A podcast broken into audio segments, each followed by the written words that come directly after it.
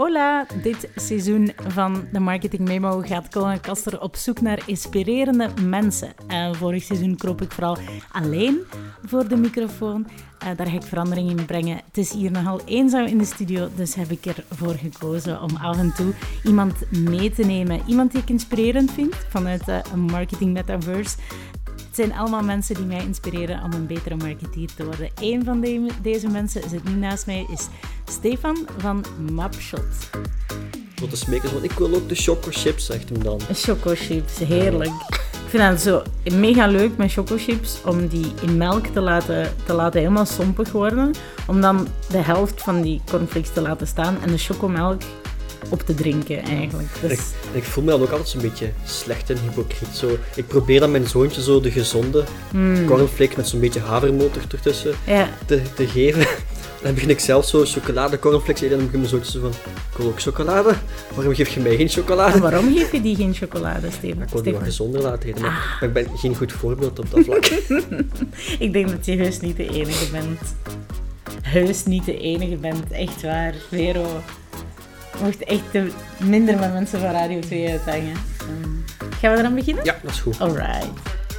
Stefan is een jonge ondernemer in IT en gaming, klopt Ja, dat klopt. Je hebt uh, twee bedrijven, Digital Unity en, uh, en, en Mapshot. Mm Cool, hoe ben je daarin gerold? Ik heb een achtergrond in IT, als softwareontwikkelaar. Mm Ben ik zo meer en meer naar productmanagement toegegroeid. Op een gegeven moment zoiets van, oké, Ehm, ik heb het gehad, nu wil ik een keer een eigen avontuur starten. En dan ben ik in contact geraakt met een heel goede kameraad die ik nog van school ken, Christo. Digital Unity opgericht. We hebben zo het idee gehad van oké, okay, uh, wij willen consultancy wat menselijker aanpakken met een betere band met onze werknemers. En dan een postgraduaat gevolgd, e-sports business architect in Hasselt. En daar het idee gekregen van oké, die, die gamingwereld en e-sports in het algemeen, dat is best wel huge. Daar moeten we toch meer mee kunnen doen. En dan het idee gekregen van oké, laten we die gaming een keer inzetten als marketing tool om die jongere generatie makkelijker te kunnen bereiken. En daar is dan Mapshot uit voortgekomen. Oké, cool. Want um, was dat, was dat een, een, een moeilijke om het eigenlijk uh, jongeren te bereiken? Is dat iets waar dat bedrijven van wakker liggen vandaag? Wat, wat ik al sinds zie, is dat dat mensen zijn die niet meer traditioneel media consumeren. Dus mhm. zij gaan niet meer als eerste keuze in de zetel naar televisie kijken, waar dat ze blootgesteld worden aan reclamevideootjes, of ze gaan geen magazines of kranten, of zoals zeker niet de papieren versie daarvan, openslaan. Maar ze zijn dus zeker heel digitaal actief en social media, maar ook gaming is daar een heel groot onderdeel van van hun leefwereld. en uiteindelijk vandaag, hè, de, de, de, de befaamde Gen Z, vandaag zijn, hebben ze, um, consumeren ze alsnog. Uh, maar dat gaat in de toekomst alleen maar, uh, alleen maar groeien. En traditionele media kan ze, kan ze niet meer bereiken. Uh, wat dan wel? Gaming eigenlijk. Ja, um, ja is, dat, is, dat, is dat hetzelfde als de, als de, ja, de, de overroepen misschien? Of de, de, de buzzword van tegenwoordig, is dat hetzelfde als metaverse? Of wat is het verschil voor jou? Um, Metaverse is eigenlijk een begrip dat is voortgekomen uit science fiction. Ja? Uh, een alternatieve virtuele 3D-wereld waar iedereen in terecht kan komen om te socializen en zich te amuseren. Mm In de realiteit is dat op dit moment eerder een netwerk van 3D-werelden, omdat heel veel bedrijven een eigen virtuele wereld zijn beginnen te maken, zoals mhm. bijvoorbeeld een Facebook en naar gerucht nu ook bijvoorbeeld een Apple. Mm en eigenlijk, hetgeen wat mensen daar naar op zoek gaan, is ehm, een vorm van entertainment. Ze gaan daar proberen te socializen, ze gaan daar spelletjes spelen. En die principes zie je eigenlijk ook in online gaming. Mijn generatie is opgegroeid met bijvoorbeeld een spel genaamd RuneScape. We kwamen online, we gingen daar spelen, we spraken daar af met vrienden en we amuseerden ons. En datzelfde principe zie je ook terug in Metaverse. En dan maakt die lijn heel dun tussen beide. Oké, oké. Dus um, eigenlijk, het, het, want het is inderdaad een woord die, die heel vaak gebruikt, uh, gebruikt wordt, ook nu in, in, in advertising. En voor uh, de toekomstige marketeer is dat, is dat de place to be. Maar je voelt wel heel hard, heel hard aan van eh, het wordt nog gepercipeerd als iets dat inderdaad heel sci-fi is. En, en, jij maakt duidelijk de onderscheid van, oké, laat ons dat overopen buzzword niet gebruiken. Er gaat niet een virtuele wereld zijn waarin dat we, ehm, dat we, uh, dat we eigenlijk gaan samenkomen en, en in ons huis niet meer gaan buiten komen, zeg maar. Die twee werelden, of meerdere werelden, gaan, gaan naast elkaar uh, bestaan. Tot op zekere hoogte geloof ik wel dat er een virtuele wereld gaat zijn, of meerdere virtuele werelden waar mensen gaan samenkomen. Mhm. Om te gaan socializen, om zich te amuseren, om naar virtuele concerten te gaan, te gaan kijken. Zoals uh, JBC onlangs met ja, uh, Camille klopt. heeft gedaan. Um, maar ik vind het niet dusdanig innovatief, omdat eigenlijk hetzelfde in gaming ook al gebeurde. Daar kwamen mensen ook samen om te socializen en zich te entertainen. Uh, metaverse, dat is daar een verdere stappen in, zoals die virtuele concerten. Maar ik probeer wel voorzichtig te zijn met een heel sci-fi begrip, want eigenlijk staat het veel dichter dan we eigenlijk soms beseffen. Alleen is het niet een één grote virtuele wereld zoals een Ready Player One soms wordt beschreven. Dat is super cool. Uh, maar dat hebben we op zich ook niet nodig om al te spreken over virtuele werelden en mensen te bereiken in zo'n virtuele context. Dus eigenlijk niet zo ver van ons bedshow als dat uh, men zou denken. Zeker niet voor Gen Z en al helemaal niet voor Gen Alpha. Alright, Gen Alpha, elaborate. Gen Alpha, laten we zeggen dat dat onge de ongeveer 12-jarigen zijn die op dit moment. Mm -hmm. um, zij zijn bijvoorbeeld heel actief in Roblox. Um, de virtuele wereld waar je net over sprak voor GBC was yeah. in Roblox gemaakt. En men zegt in statistieken dat uh, meer dan de helft van Generation Alpha minstens één keer in zijn leven reeds in Roblox aanwezig is geweest. En zij zijn nog meer digitaler dan Gen Z. En ze zullen ook nog meer worden, omdat ze dat gewoon met de paplepel mee hebben gekregen van jongs af aan, bij wijze van spreken. Absoluut, absoluut. Um, ik, hoor, uh, ik hoor ook zo heel vaak dat er, uh, dat er een soort aversie is tegen, uh, tegen het hyperdigitale. Maar met, met de komst van um, Gen Alpha en ook wel Gen Z, die nu vol een bak kapitaalkrachtig zijn en nu in, interessant beginnen te worden voor, voor, voor, voor merken, wordt het ook steeds duidelijker dat er no way back is. Um, dat er ook geen uh, niet een, een, einde aankomt. Dus, dus beter, beter aanpassen nu als merk. Hoe zie je dat? Um, ik denk dat het heel gelijkaardig is als social media. Mm -hmm. um, zeker onze generatie van, van de dertigers, daar zie je ook heel veel verslaving aan door um, Instagram feeds, Facebook feeds te scrollen, soms zelfs uren aan een stuk. Ik maak me daar zelf eerder schuldig aan bij van die korte short video's. Mm -hmm. en, Ik heb YouTube Shorts ontdekt, ja. echt waar. No way back nu. En TikTok. En aan zich is de metaverse daar eigenlijk een soort van 3D-versie van, waar mensen live met elkaar gaan communiceren in plaats van uh, in parallel. Een belangrijk onderdeel van, die, van, van, van de metaverse is uh, die duplicated reality. Mm -hmm. um, wat, wat maakt dat dat een belangrijk onderdeel is van, van, van het hele 3D-concept? Pure duplicatie, dat vind ik zelf niet zo'n een tof gegeven. Mm -hmm. Omdat je dan heel veel kracht en ook creativiteit mist die het virtuele u aanbiedt. Um, stel bijvoorbeeld, je wilt een winkel nabouwen, uw echte winkel van uw kledingzaak bijvoorbeeld in, in Roblox of een andere metaverse-wereld. Ja, dat is heel jammer als je dat gewoon één op één nabouwt, terwijl je zoveel meer kan en zoveel meer creatief aan de slag kan gaan. Maak daar gigantisch grote standbeelden die water spugen, uh, futuristische platformen voor mijn part, maar je kan daar zoveel meer dan gewoon een duplicator maken. Dat lijkt me zo'n beetje saai. -hmm. Oké, interessant. Um, iets wat ik zeker met een... Um met een uh, bevriende architect moet bespreken. Oké, dus die duplicated uh, reality, dat gaat je niet helemaal doen. Je gaat het eigenlijk... Je gebruikt van, van het web 3.0 gegeven uh, en de creativiteit die daarin mogelijk is om, om, om eigenlijk een volledige nieuwe wereld te gaan, te, te, te, gaan creëren waar dan no limits zijn. Um, is dat de voornaamste reden waarom dat merken op, op het concept zouden kunnen springen? Ik denk dat je vooral als merk je publiek moet gaan volgen en aanwezig moet zijn waar je publiek aanwezig is. Mm -hmm. um, en ja, doe dat op zo'n tof mogelijke manier waar mensen echt een, een wauw-effect van gaan voelen. Um, Maar als je geen publiek hebt in die, in die jongere generatie, je bent bijvoorbeeld een premium merk voor rijke zakenmensen van de 50 plus, ja, dan gaat je daar weinig meerwaarde vinden. Zijt je daartegen een fashion brand die wil focussen op de tieners, ja, dan moet je daar zeker aanwezig op zijn. Oké, het lijkt mij ook wel iets, iets, iets heel duur. Um, is dat alleen voor de Coca-Cola's van, van deze wereld?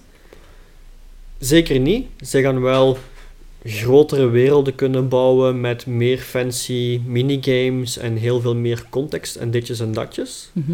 Maar ik denk wel dat voor een, een kleiner bedrag van 5000 euro dat je al mooie dingen gaat kunnen doen. Dat is nog altijd meer als een, een typische website natuurlijk. Mhm, Maar er komt ook meer bij kijken dan een website maken, omdat je echt ook 3D-tekeningen moet maken enzovoort. mhm. Maar er zijn wel voor ook lage budgetten mogelijkheden. Oké, en is het, ehm, is het ook zo dat, dat, dat het nu het moment is om ermee te experimenteren? Omdat het, ehm, omdat het nog voor velen onontgonnen gebied is en dat, je, ehm, dat bedrijven en merken zich daar nog een weg in moeten zoeken? Ja, omdat uw publiek daar al zit. Mhm, die, die kindjes van 12 jaar, die tieners van 16, 18 jaar, die zitten daar al. Dus waarom niet die, die kans al grijpen om die nu al te beginnen te bereiken en te binden aan jouw merk of aan jouw producten? Ze zitten er al, dus doe er iets mee. Ik hoor je zeggen dat, eh, dat merken vooral in de metaverse terecht kunnen voor eh, eh, brand awareness, om, om, om een band op te bouwen met, met, met, met hun community.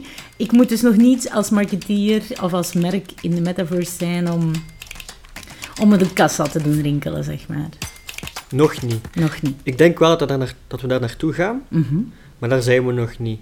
De, de business cases die ik tot nu toe altijd heb gezien, die gaan wel meer rond aanwezigheid creëren en die brand awareness, maar nog niet echte harde conversies of ehm, eerste vormen van e-commerce. Oké, oké. Wel digitale e-commerce, eh, maar nog niet bijvoorbeeld de, een bestelling gaan plaatsen die dan zanderdaags op je thuis wordt geleverd. Mhm, Dat nog niet. Dat nog niet. Dus eh, een, een hele fijne manier om, om een band op te bouwen met uw, eh, met uw doelgroep. Een heel, de jongere doelgroep. Ehm, een heel fijne manier ook om, eh, ehm, een heel fijne manier ook om, eh, om een band te gaan, eh, te, gaan, eh, te, te gaan creëren, ze te gaan bereiken, die gaan entertainen, uw brand values ook doorgeven, doorgeven op, die, op die manier, maar nog niet de die-hard ehm, die-hard com- eh, conversie. Wat is er wel al mogelijk, behalve die merkentrouw? Ik zou graag het voorbeeld willen nemen van Nike. Ja? Zij hebben een, een Nike Land gemaakt in Roblox.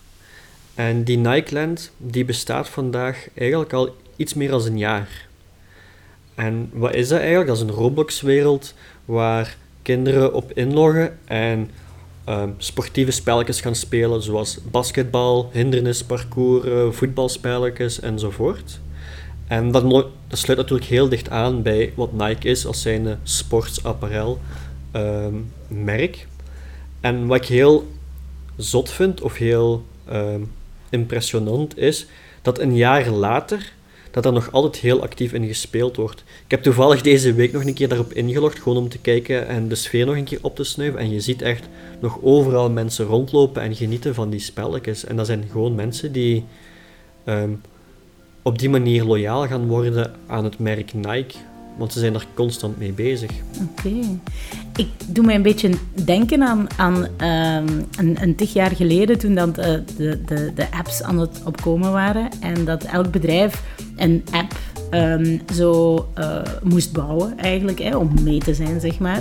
Eh, you got an app for that. Hè. Ehm, en dan, dan herinner ik mij ook dat we, dat we voor alles applicaties gingen, eh, gingen bouwen, maar dat de user niet vaak meeging met het, met het bedrijf. Dat er een soort winner takes it all principe was, van oké, de best, meest gebruiksvriendelijke app die won daarvoor. Merken konden niet zomaar limitless mm, apps beginnen bouwen om, om de mensen te entertainen. Gaat dat hetzelfde een beetje met de metaverse ook gebeuren? Degenen die, die er van oudsher al zijn, zullen ook de grootste zijn? Of ga ik als, als een, lokale handelaar van een schoenwinkel, eh, in schoenwinkel in weet ik veel welke straat in, eh, in, in Antwerpen mij ook moeten wagen aan een, ehm, aan een, aan een eigen spel in de, in de metaverse bijvoorbeeld?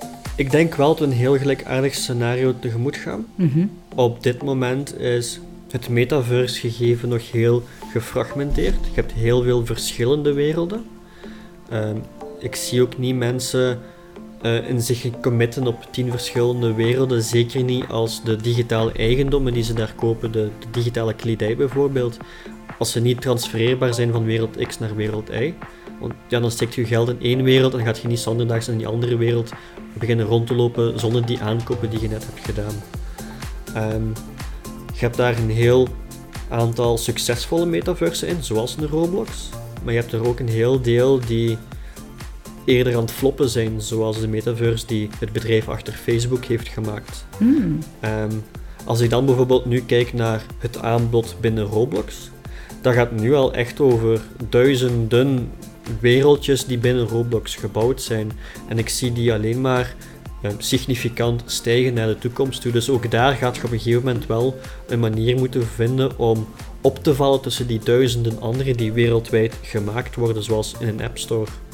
Oké, en welke tips heb je dan om bijvoorbeeld ja, op te vallen? Ik denk dat het heel belangrijk is dat je goed begrijpt waar dat die mensen naar op zoek zijn en dat je daarop inspeelt. Um, wij ook, als wij met een game aan de slag gaan, dan proberen wij loyaal te blijven aan dat spel en met liefde voor dat spel aan de slag te gaan. Mhm.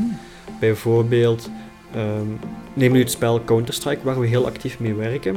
Dat is een eerder realistisch 5 tegen 5 schietspel met twee teams. Er zijn merken die daarmee aan de slag zijn gegaan en die hebben heel futuristische werelden gemaakt. En dat is een beetje jammer, want dat botst een beetje met waar die cultuur van Counter-Strike rond gebouwd is. Mhm. Wat wij hebben gedaan met Antwerpen is een Antwerps geïnspireerde map gemaakt, maar die wel er nog altijd uitzag als Counter-Strike. En ondanks dat het een vorm van advertisement was, was het publiek wel dankbaar dat we dat hadden gedaan en dat we dat ook goed hadden gedaan. En dat moet je heel goed in het acht houden, want mensen verwachten een bepaalde setting binnen die context van de wereld, welke wereld het dan ook is. En probeer daar enerzijds loyaal aan te zijn, maar toch een een wow-effect te creëren waar mensen opnieuw naar willen toegaan. Je maakt eigenlijk een, uh, een bruggetje, uh, spontaan ook, van, van metaverse naar in-gaming communication. Wat dat eerder um, in, de, in advertising, in, uh, in de metaverse meer is van, ah oké, ik, ik, ga een eigen 3D-wereld gaan creëren waarin dat mijn merk centraal staat. Zoals JBC die een gig doet met, met waarin Camille dan gaat optreden. Um, Terwijl dat, wat, er, wat er veel, veel makkelijker is om te, om, te doen, of laagdrempeliger is om te, om te doen, is inderdaad die, uh, die, de, de, de, de marketing of de advertising dat je kunt doen binnen een bestaande game. Um, zoals, dat zoals jullie voor uh, Counter-Strike hebben, uh, hebben gedaan. Is dat laagdrempeliger ook voor merken om op, dat, om, om op die manier tot de Web 3.0-wereld te, gaan te gaan toetreden? Um, het is zeker makkelijker omdat daar al een veel groter publiek in bestaat. Mhm. neem, neem, een spel als Fortnite en eigenlijk wordt Fortnite ook al meer en meer geadverteerd als zijnde een metaverse, omdat er ook bijvoorbeeld optredens van Ariana Grande zijn gebeurd. Oké. Maar in zijn oorsprong is dat nog altijd een spel, een spel dat door miljoenen mensen gespeeld wordt. En dat zorgt al voor dat je al direct meteen een mooi publiek hebt om mee in, in een relatie te gaan. Mhm. Maar ik denk wel dat gaming um, een plaats heeft in de metaverse, omdat je hebt nog een reden nodig om naar een specifieke wereld te gaan. Precies. En, er moet een job to be done zijn en is niet louter advertising of niet louter uh, kom, kom kleren passen in, in, in de winkel. Dat heeft een, een, een gamification effect ja. wel nodig. Je, je kunt wel een heel mooie winkel gaan beginnen te bouwen, maar mensen moeten daar ook meerwaarde aan hebben om specifiek die wereld te gaan openen en niet een van die duizend andere werelden. En je kunt wel zeggen van oké, ze gaan daarin beginnen rond te lopen en ze gaan dat heel mooi vinden. Ja, maar op 10 seconden heb ik wel gezien dat het mooi is en dan stopt mijn verhaal ook en dan ga ik ergens anders naartoe. Steek daar een, een optreden in van een bekend persoon, steek daar een fashion show in of steek daar spelletjes in waar ik dan meer een voorstander van ben omdat ik ook gewoon een gamer ben. Mhm. En je krijgt een heel ander ding waar mensen misschien zelfs uren aan een stuk van gaan genieten en op die manier een relatie gaan opbouwen met jou. Uh, ik hoor uh, verschillende dingen. Hè. Dus enerzijds, uh, enerzijds het, het, het, effect van je merk moet er, moet er zeker in, in, in terugkomen. En je moet je, je, je merkwaarde trouw blijven. En anderzijds moet je heel hard rekening houden met de wensen en de noden van de community die je op dat moment wil bereiken. En je moet een heel duidelijke doel of purpose of storytelling aan, aan gaan koppelen. Ja. Uh, klopt dat? Hoe begin je daaraan? Hoe begin je aan een story in, in, de, in, in de metaverse? Aan zich, als je je project of je campagne begint uit te bouwen, moet je al eerst nadenken over wat is het uiteindelijke doel wat ik wil bereiken.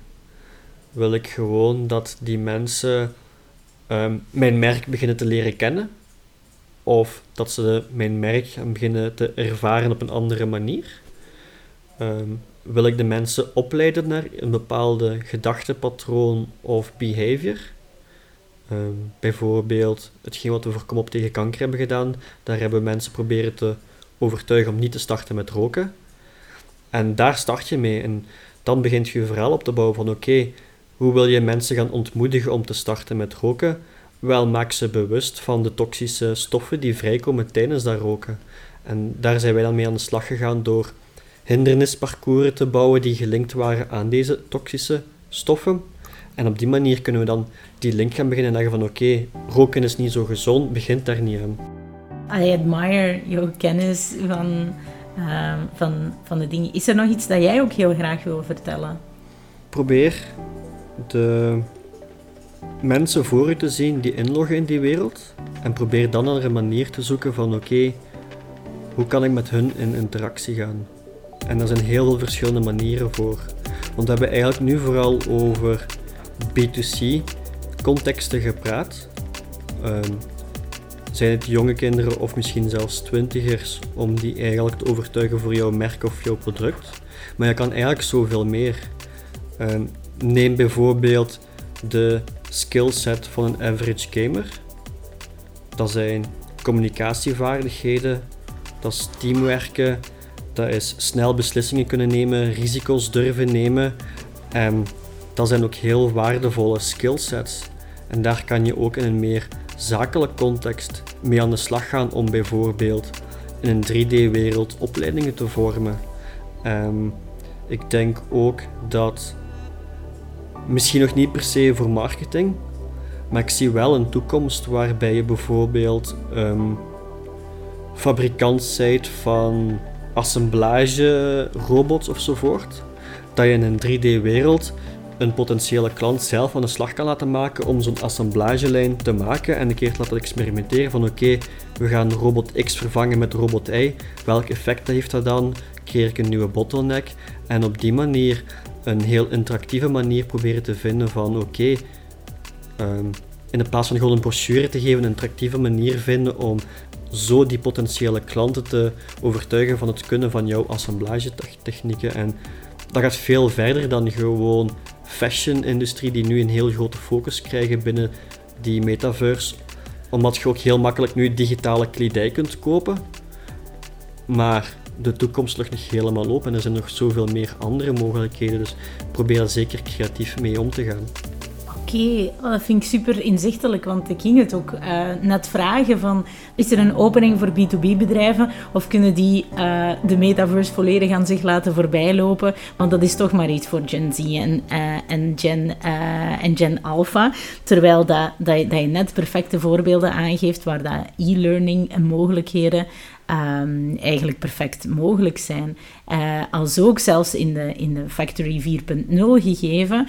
Um, waar ik zelf nu een klant in, in, eh, in actief heb, die, die bij de case die je net gegeven hebt, uh, gegeven hebt uh, zeker meerwaarde zou kunnen, kunnen, kunnen bieden. Plus als bedrijf, als, als bedrijf zit innovatie misschien ook wel in je DNA, dan is het omarmen van, van, van, van dergelijke manieren om, om, uh, om uh, pitches te doen, om salesgesprekken te voeren, om ROI op een bepaalde investering te gaan, uh, te gaan onderzoeken of, bere of berekenen. Ja, dan, dan laat je het ook op die manier ook zien. Mm. Vind ik wel ook super, super interessant. Stel, ik ben een marketingafdeling, we hebben nu gezien van fashion, verschillende merken van fashion tot en met robotica. Uh, ieder, verschillende type merken kunnen hiermee, aan de, kunnen hiermee aan de slag. Wat hebben ze nodig om daarmee aan de slag te gaan, behalve een heel duidelijke visie op een doelgroep?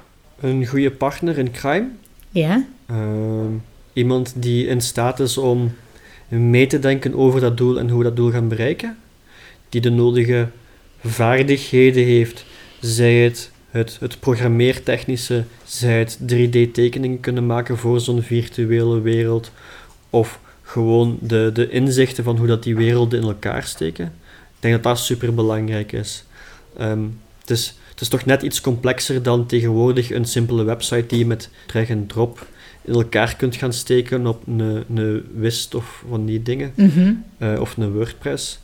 Ehm, dat gaat misschien ooit wel gebeuren, dat dat zo eenvoudig wordt, maar dat zijn we nog lang niet. Ja, inderdaad. Dus, ehm, en wie heb ik intern in mijn bedrijf nodig um, om, om, om, om dat proces te kunnen faciliteren? Of is voorlopig een, een goede externe expert of een goede externe partner alles wat, dat je, wat dat je nodig hebt?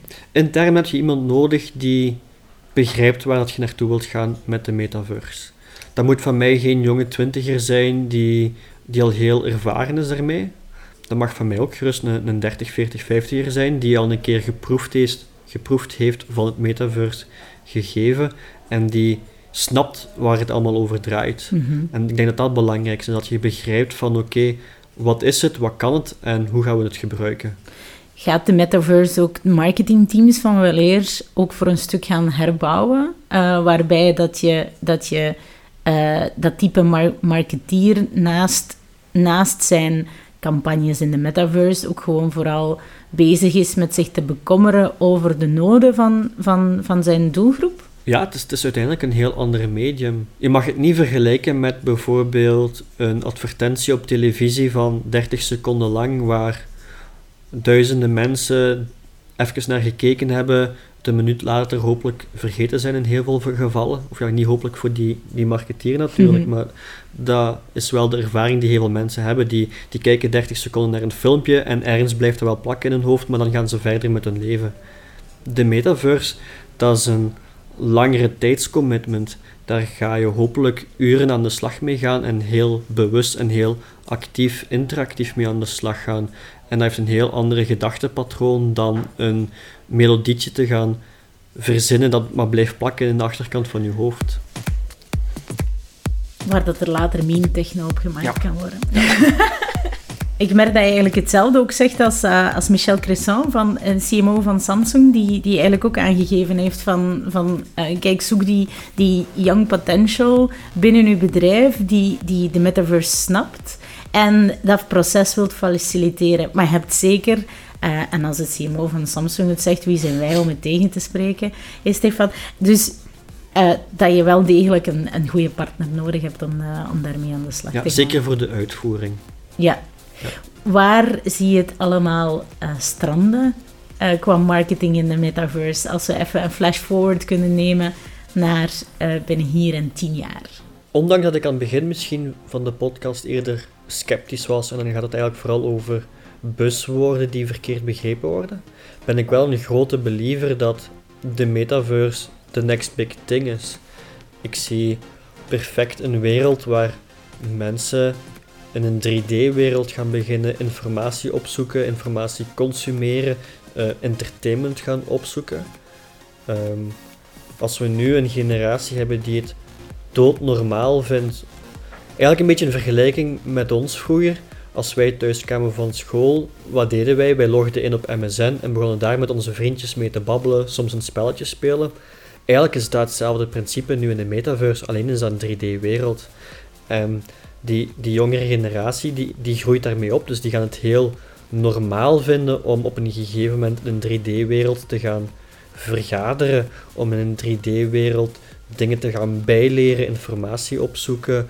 Of gewoon alle Minority Report, allemaal virtuele schermen overal beginnen te tikken in, in, de, in de open lucht eigenlijk.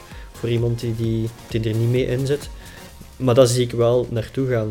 Dat die 3D-wereld het nieuwe normaal wordt. Dat is heel moeilijk misschien om in te beelden, maar daar geloof ik wel in. Uh, wat ik ook vooral heel leuk vind uh, aan, aan, het, aan het verhaal is ook dat hoe uh, human-centric dat het, dat het is. Hoe hard dat heel, um, heel dat verhaal of, of, of heel die dynamiek of de opbouw van heel de 3D-wereld vooral ont, ontspringt vanuit een motivatie van de gebruiker zelf of van de mensen. Uh, in die 3D-wereld, of een avatar, zeg maar. De marketing waar ik allergisch aan ben in deze niet-virtuele wereld, in, in het echte leven, uh, ja, heb, ik, heb ik echt een groot, een groot probleem met uh, zendercommunicatie, zeg maar. Um, of met... Um, met zendercommunicatie of met mensen die, die eigenlijk vooral heel veel en heel graag over zichzelf praten, in plaats van uh, functioneel of emotioneel of verbindend te zijn naar hun ideale klant of naar een, een doelgroep, geloof ik dat dat, dat, dat, um, dat, dat luckily op, op een gegeven moment gaat, gaat uitsterven, omdat het, omdat het moet, omdat de, de, de nieuwe toekomstige technologie die er vandaag al zijn, die steeds meer geadopteerd worden, echt wel gedreven worden vanuit uh, vanuit, uh, vanuit die ideale klant. En dat omarm ik vooral. Aan, uh, aan het metaverse gegeven. Wij kunnen hier zo gezellig zitten praten over waar het al allemaal naartoe gaat en, en hoe dat, die Web 3.0 wereld eruit gaat zien en hoe je als marketeer op kunt inspelen. Maar ik merk bij veel bedrijven of mensen te, koer, bij veel marketeers als ook, toch een zekere aversie ten opzichte van Um, ten opzichte van, van, van, van de metaverse. Waar ligt dat, waaraan ligt dat volgens jou?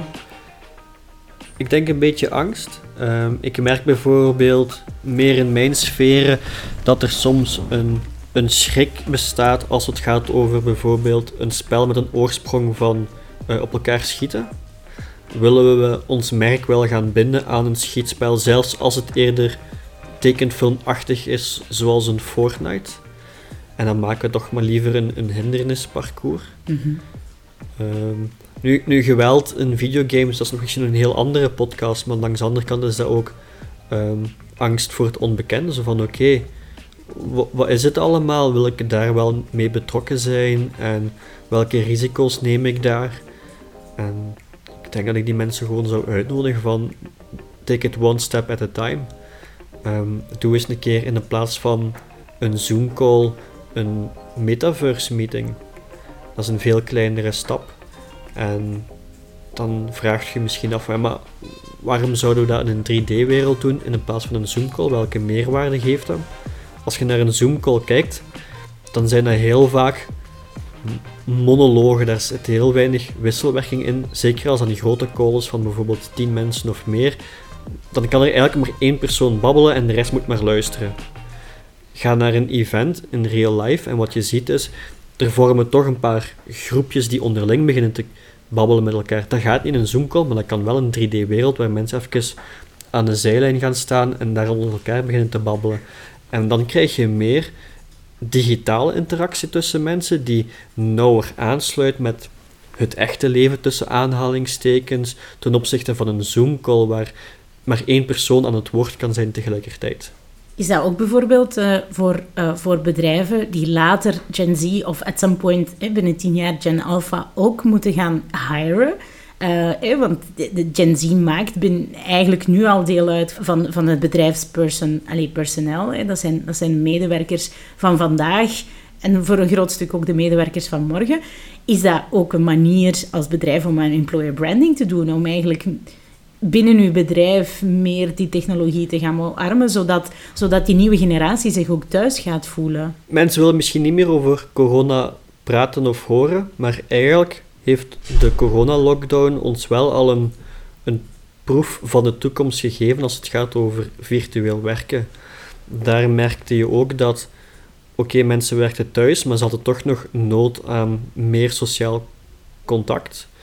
Had ook werkgevers die een zekere controle wilden houden van oké, hoe kan ik erop vertrouwen dat mensen eigenlijk wel nog altijd aan het werken zijn achter hun mhm. bureau. Um, dat kan zo'n 3D-wereld wel oplossen. En als je dan mensen laat toestaan om virtueel achter een bureau te zitten, niet zozeer um, een webcam die constant aan zich, op zich staat gericht, maar een, een 3D-avatar die achter een virtuele bureau zit en die af en toe een keer naar links of naar rechts kan kijken om een spontane babbel te kan doen. Dat is een heel andere manier van werken en ik denk dat daar ook wel die jongere generatie op een gegeven moment behoefte gaat aan hebben van oké, waarom zou ik s'avonds in zo'n 3D-virtuele wereld gaan kunnen interageren met mijn vrienden en, en niet professioneel op het werk? Dat werkt toch ook? Dat is ook maar een manier van communicatie.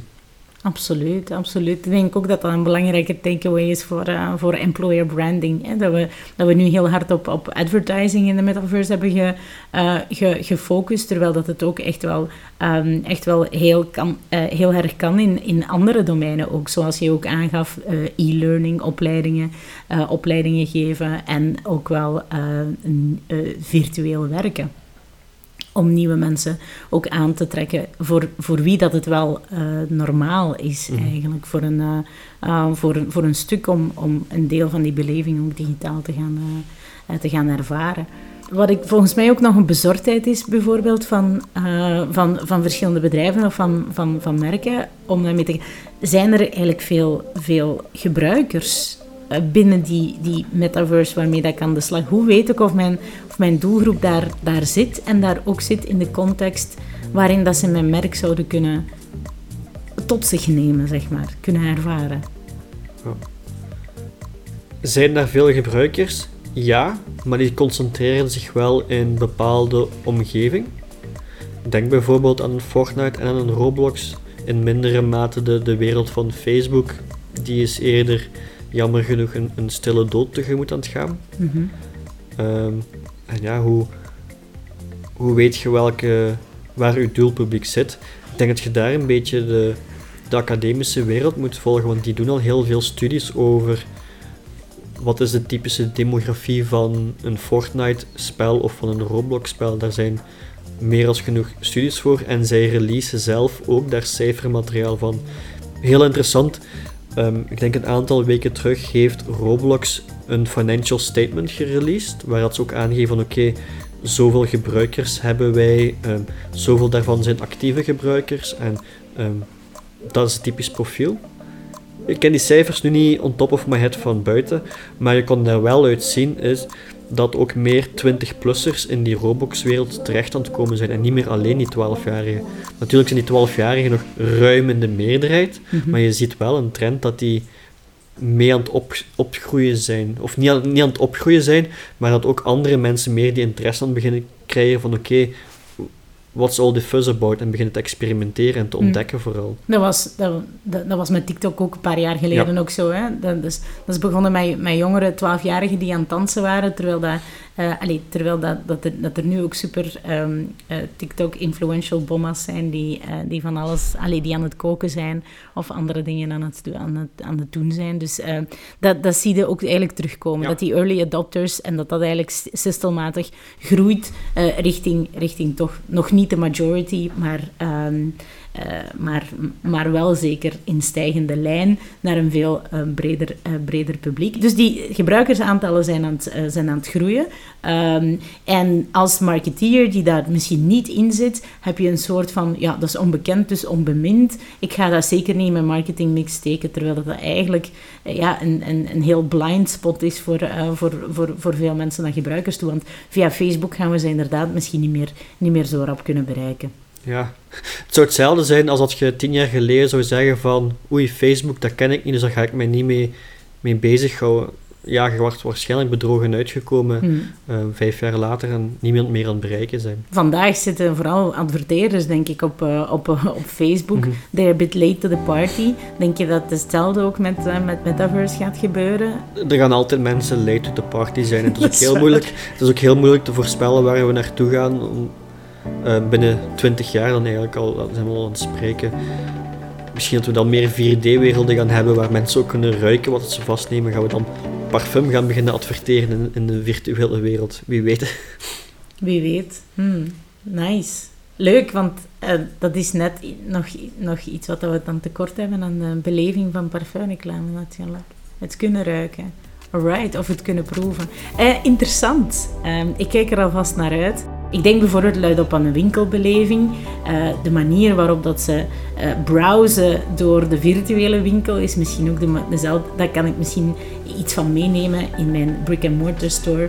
Um, en kan ik de virtuele, uh, de virtuele patronen gaan, gaan mappen op, op, op, op de routes, de routings die mensen bijvoorbeeld in mijn, in mijn real-life winkel gaan, gaan nemen? Of is dat te ver gezocht? Nee, nee, misschien ook zelfs uh, productselectie. Dat, stel dat je die weer in die, in die fashion-industrie zit en ehm, ik ga mijn avatar proberen aan te kleden met bepaalde sets aan kledij dat je dan misschien ook daaruit conclusies kunt trekken voor voorkeuren in, in real life, om daar ook dezelfde voorkeur zou kunnen doortrekken van oké, mijn avatar, mijn digitale aanwezigheid, die draagt altijd een blauw hemd op een jeansbroek, ik zeg maar iets.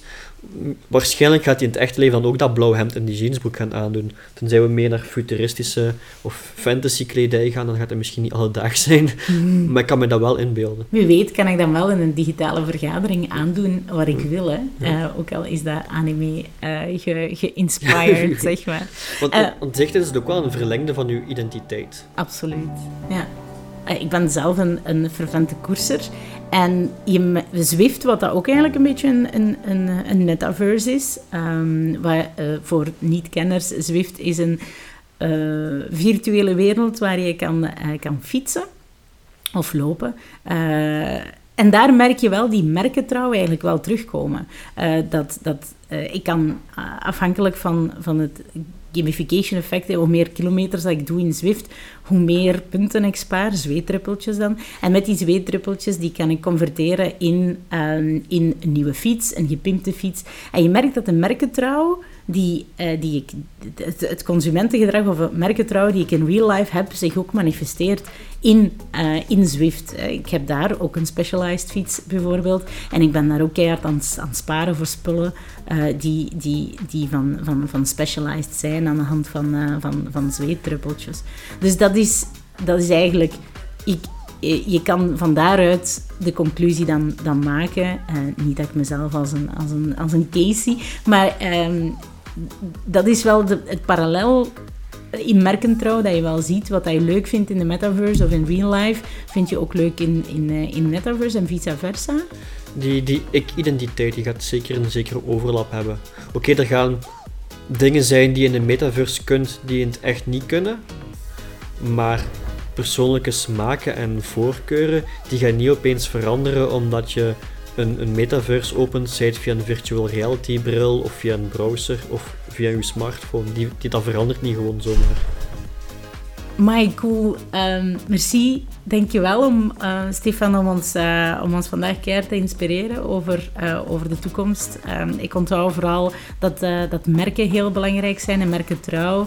En de, de, de, het parallel tussen die twee werelden um, heel hard te maken is. En dat er een hele nieuwe weg voor marketeers zit om, om daarmee te gaan experimenteren. Um, en dat het ook mag, vooral dat experimenteren. Dat mensen niet bang mogen zijn om, om eigenlijk een eerste stapjes in de metaverse te maken en te falen, zeg maar. Want daar kan je alleen maar uit, uh, uit leren. Op, op dat vlak kan je, uh, kan, je, kan je zeker budget voor experiment gaan, uh, gaan inlassen in marketingplannen. En dat zou ik ook meegeven aan, aan de mensen die, die luisteren. dankjewel, Stefan. Stefan, je bent te vinden ook op, op LinkedIn. Ja, daar, daar volg ik jou ook. Stefan Celis. waarmee ga je de mensen, waar, waar ga je de mensen mee inspireren op LinkedIn? Toffe cases, ehm, berichten over de toekomst, berichten over de actuele staat van de metaverse en van gaming. Ehm, die ga ik zeker verder delen. Oké, kijk er naar uit. Uh, dankjewel, ik ga het er zeker naar doorlinken. En uh, tot een volgende keer. Ja, is goed. Ciao.